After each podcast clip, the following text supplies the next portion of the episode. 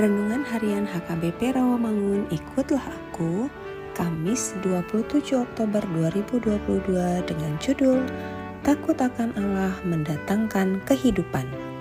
Bacaan kita pagi ini tertulis dalam 1 Yohanes 4 ayat 7 sampai 16 dan bacaan kita malam ini tertulis dalam Galatia 5 ayat 1 sampai 12 dan kebenaran firman Tuhan yang menjadi ayat renungan kita hari ini ialah Pengkhotbah 12 ayat 13 yang berbunyi Akhir kata dari segala yang didengar ialah takutlah akan Allah dan berpeganglah pada perintah-perintahnya karena ini adalah kewajiban setiap orang.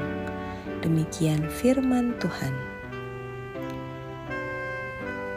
Sahabat, ikutlah aku yang dikasihi Tuhan Yesus. Pada akhirnya akan ada satu titik di mana semuanya akan berakhir. Salomo sudah begitu termasyur dalam masa kehidupannya. Alkitab mencatatkan bahwa dia adalah orang yang paling berhikmat yang pernah hidup sepanjang masa. Dengan segala upaya, dia membangun kerajaan Israel menjadi kerajaan yang kuat dan kaya melebihi kerajaan-kerajaan lain.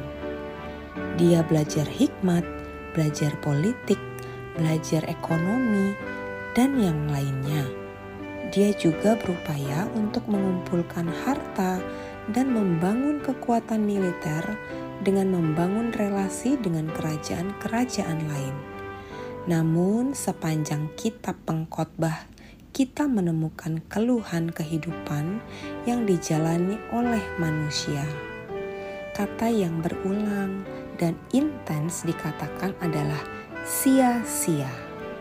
Seluruh jerih payah yang dilakukan manusia pada akhirnya tetap saja bahwa kedaulatan Allah lah yang nyata bukan sekedar hasil jerih payah dan upaya kerja keras manusia semata. Sahabat, ikutlah aku yang dikasih Tuhan Yesus. Bersyukurlah bahwa kita punya Tuhan Allah yang selalu bersama dengan kita. Kuasa dan rahmatnya lah yang menjadi sumber pertolongan kita. Tidak ada yang lebih menggembirakan dan memuaskan daripada pengenalan dan hormat dalam ketakjuban akan perbuatan Tuhan. Amin. Mari kita berdoa.